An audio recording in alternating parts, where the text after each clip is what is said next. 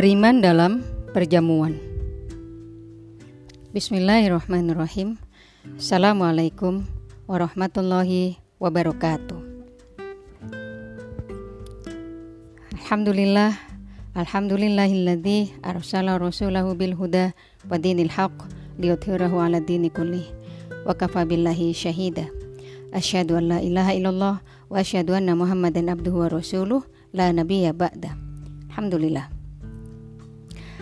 Uh, pagi ini anak-anakku sayang dan teman-temanku semua Saya akan membacakan sebuah kisah dalam buku 31 cerita Ba'da Isya Buku ke-11 yang ditulis oleh Sofia Mashuri dan diterbitkan oleh PT Remaja Rosda Karya pada tahun 2002 Kisah ini adalah kisah ke-11 dari buku tersebut.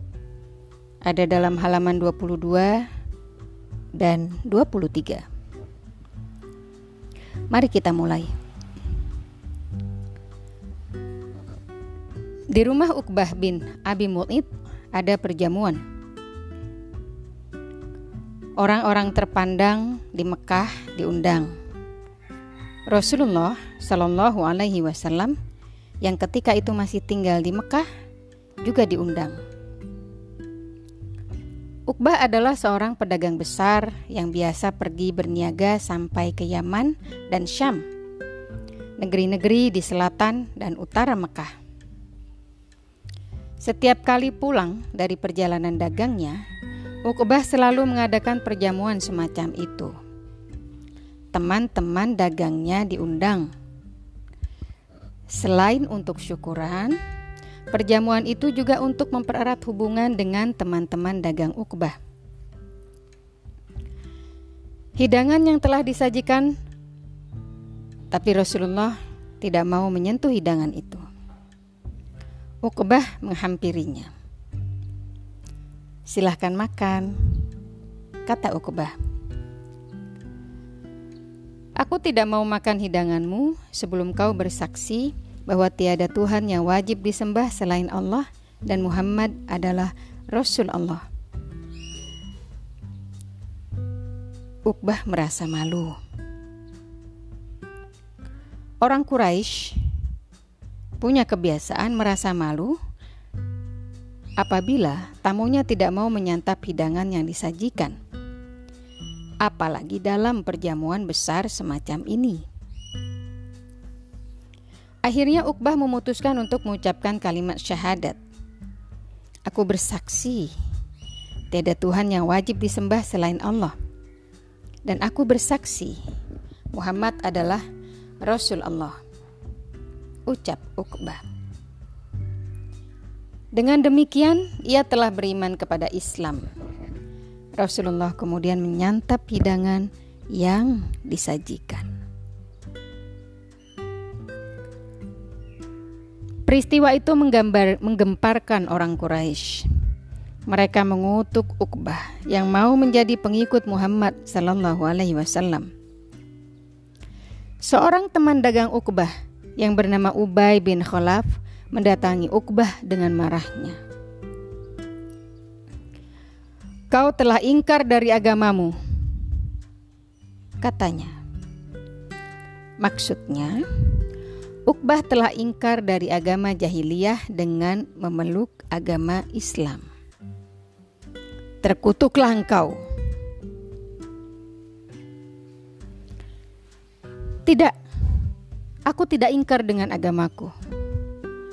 Kuucapkan kalimat itu di depan Muhammad karena aku tidak ingin dipermalukan. Kalau aku tidak mau bersaksi seperti yang dikatakannya, ia tidak mau makan Orang Quraisy akan merasa tercemar kehormatannya kalau tamunya tidak mau makan, bukan? Kalau benar begitu, nyatakan itu di depan Muhammad. Caci maki ia di depan umum dan ludahi wajahnya. Sebelum kau melakukan itu, aku tidak sudi berhubungan dagang denganmu. Uqbah bimbang. Ubay bin Khalaf adalah teman dagangnya selama ini. usaha dagangnya bersama Ubay bin Khalaf maju pesat. Kalau Ubay bin Khalaf tidak mau bekerja sama lagi, celakalah ia.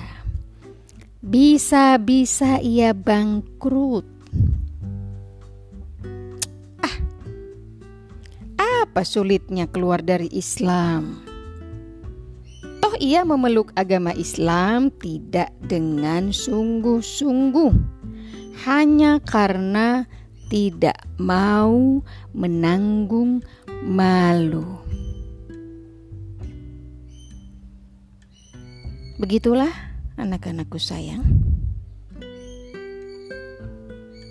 Kebimbangan Uqbah ini akan mengantar dia ke mana? apakah dia tetap dalam agama Islamnya atau dia akan keluar lagi.